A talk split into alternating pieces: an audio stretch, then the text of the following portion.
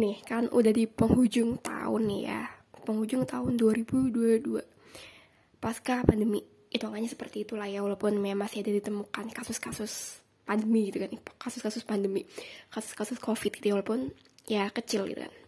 Nah waktu pandemi kemarin kan kayak kita pun sebagai anak muda kan kadang duitnya kan kadang duitnya kan jadinya. Kan kita kan dapat sangunya kecil atau dapat gajinya mungkin ya ada yang gak seberapa gitu kan. Ada pula yang masih bingung ngaturnya atau kaget gitu loh. Kita kayak masa transisi lagi kan yang dulunya lebih sering di rumah jadi kan kita lebih keluar ya lebih sering keluar kan sekarang. Nah menurut aku nih kan menurut aku sebagai mahasiswa semester akhir yang ingin cepat lulus uh, aku tuh ini loh kayak kadang sempat mikir gitu kan kayak gimana sih aku bisa manage uh, uangku dengan baik gitu kan ya. Walaupun event ya walaupun event jadi kan sekarang.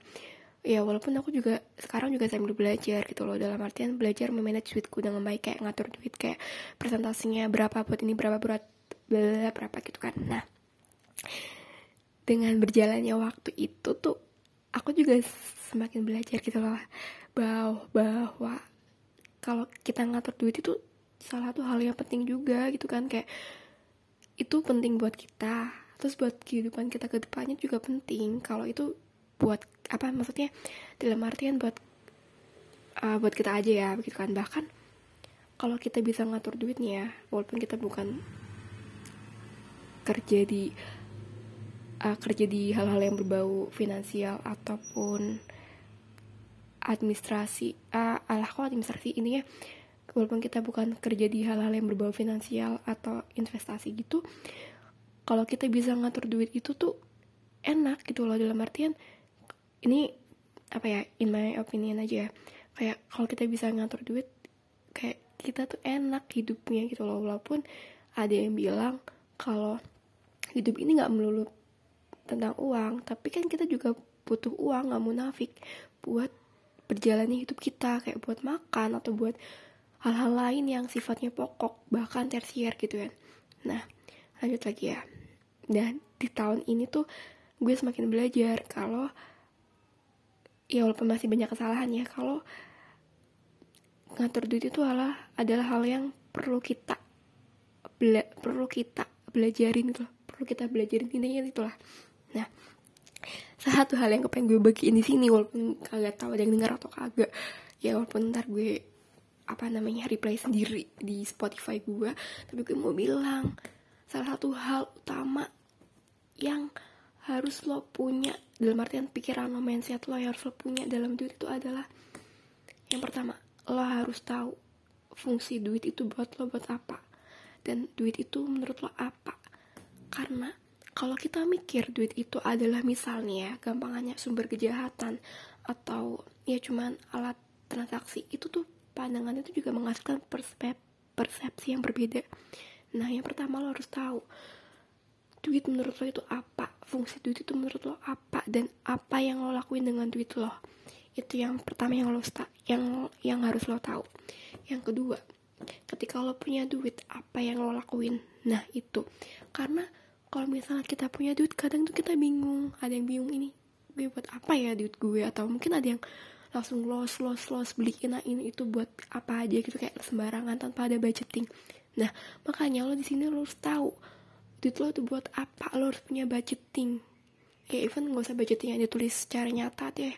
Tapi lo juga punya awang-awang gitu loh dalam pikiran lo kalau duit lo ini segini buat ini segini buat ini. Kayak itu bukan ngajarin lo perhitungan enggak tapi ngajarin lo buat tahu kayak itu tuh punya makna penting. Kayak ntar tinggal lo di akhir walaupun gue sering gitu juga sih. Walaupun walaupun gue masih sering gitu juga ya maaf nih walaupun lo di akhir nanti ya duit gue kurang nih kayak aduh duit gue kok nggak sisa nih gitu kan. Tapi lo dengan lo udah ngawang-ngawang atau lo udah ngebajetin duit lo lo berarti udah berusaha untuk tanggung jawab dengan apa yang apa yang lo miliki. Nah dalam hal ini konteksnya adalah duit itu adalah duit lo sendiri. Nah terus yang ketiga lo harus tahu kan nanti lo harus tahu duit lo buat apa gitu kan. Yang ketiga adalah kalau duit itu buat seperti itu buat hal yang lo butuhin itu atau buat hal-hal yang lo mau itu lo mikir gue butuh nggak ya duit itu buat ke depan gue gitu loh. Uh, even gak usah yang ke depan banget kayak gak usah yang kayak buat dana pensiun atau buat dana pendidikan anak dan sebagainya. Bukan seperti itu dulu.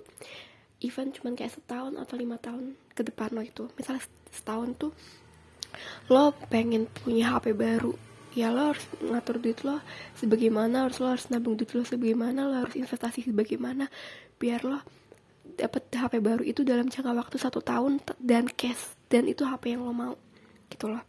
Jadi kita tuh punya imajinasi sambil berusaha gitu loh. Kita punya keinginan sambil berusaha gitu loh. Ya walaupun itu event sepele ya dan itu tuh hal yang semua orang bisa ngelakuin gitu loh.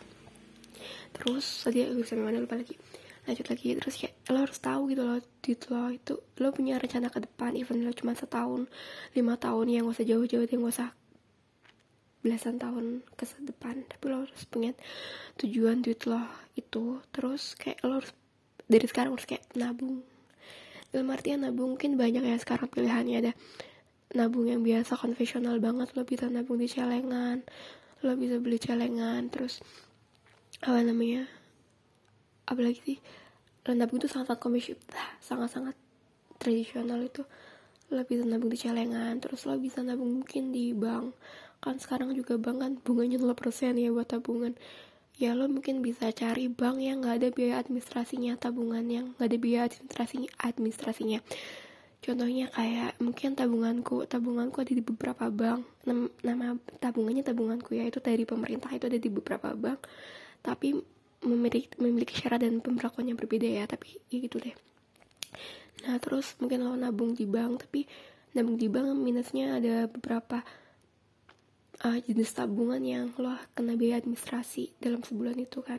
Jadi lo kalau lo kepengen duit lo tetap segitu dan ya ya kena inflasi ya lo harus tambah duit lo berapa ribu buat motong biaya administrasi lo. Terus mungkin ada lagi yang masih tradisional yang masih umum konvensional ada deposit deposito. Deposito kan banyak di beberapa bank itu kan. Ya bank-bank pasti ada deposito lah. Lo tinggal pilih lo mau mana. Meskipun bunga deposito sekarang nggak menutup inflasi ya. Tapi ya lo even better lah. Kalau lo pengen nabung yang aman-aman banget dulu dan lo belum percaya investasi gitu kan. Terus ada lagi yang naik lagi nih ke reksadana. Reksadana juga banyak pilihannya kan. Ya paling lo awal banget mungkin yang masih konservatif lah konservatif mungkin lo di reksadana pasar pasar uang itu kan konservatif ya. Lo nanam lo apa sih ya lo dulu di situ kan ada ya walaupun market reksadana kan naik turun juga ya kayak saham. Tapi lebih better lebih better gini kan better ketimbang saham kalau lo mau cari aman. Ya walaupun kadang turun juga tapi masih aman. Nah buat reksadana yang paling aman itu ya pasar uang. Kalau lo pengen nyoba awal-awal investasi ya cobalah reksadana pasar uang dulu. Lo bisa beli di mana? Sekarang reksadana itu sekarang bah. Sekarang reksadana lo bisa beli online. Lo bisa pakai aplikasi Bibit kalau lo mau lo bisa pakai kode gue di barang Okta. Itu di Bibit ya. Lo bisa dapat cashback 25 ribu. Nah lanjut lagi lo bisa pakai Bareksa dan sebagainya gitu. Lo bahkan di Shopee pun sekarang bisa terhubung lo dengan investasi keren kan? Lo cek aja di TV tuh Shopee di pulsa dan tagihan lo cari aja di situ ada.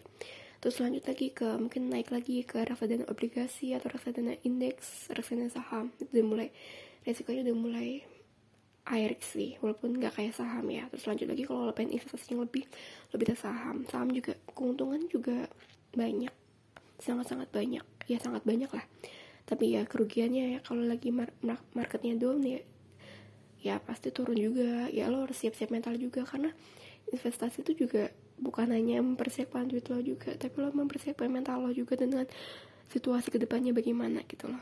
Nah terus itu yang menurut gue itu yang sekarang. Atau mungkin lo bisa konvensional lagi balik lo bisa investasi emas tapi emasnya yang yang LM ya yang logam mulia. Lo mungkin bisa dari yang amannya sih yang segram ya itu segram sekarang mungkin kisaran 900 sekira lah kisaran 900 sampai 1 jutaan. Lo bisa mulai dari situ. Mungkin yang logam mulia yang emas ada antam ada US, USB DSB itu banyak jenisnya sebenarnya.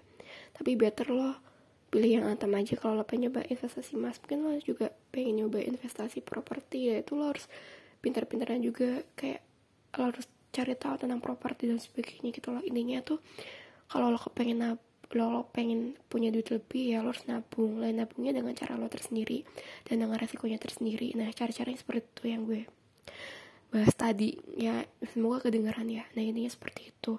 Jadi ke depannya tuh lo jelas kayak lo tahu uang lo mau diapain. Lo tanggung jawab dengan apa yang lo miliki. Nah dalam konteks ini konteks dalam konteks ini konteks duit gitu loh.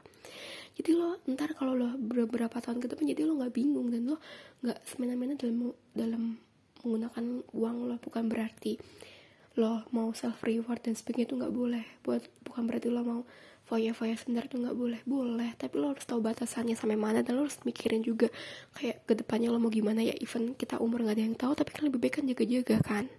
Nah kayak gitu sih menurut gue ya, ya itulah. Sekian obrolan sore dari gue ya cicat cit cit lah. Dari gue ya oke. Okay. see you. Semoga bermanfaat ya. Bye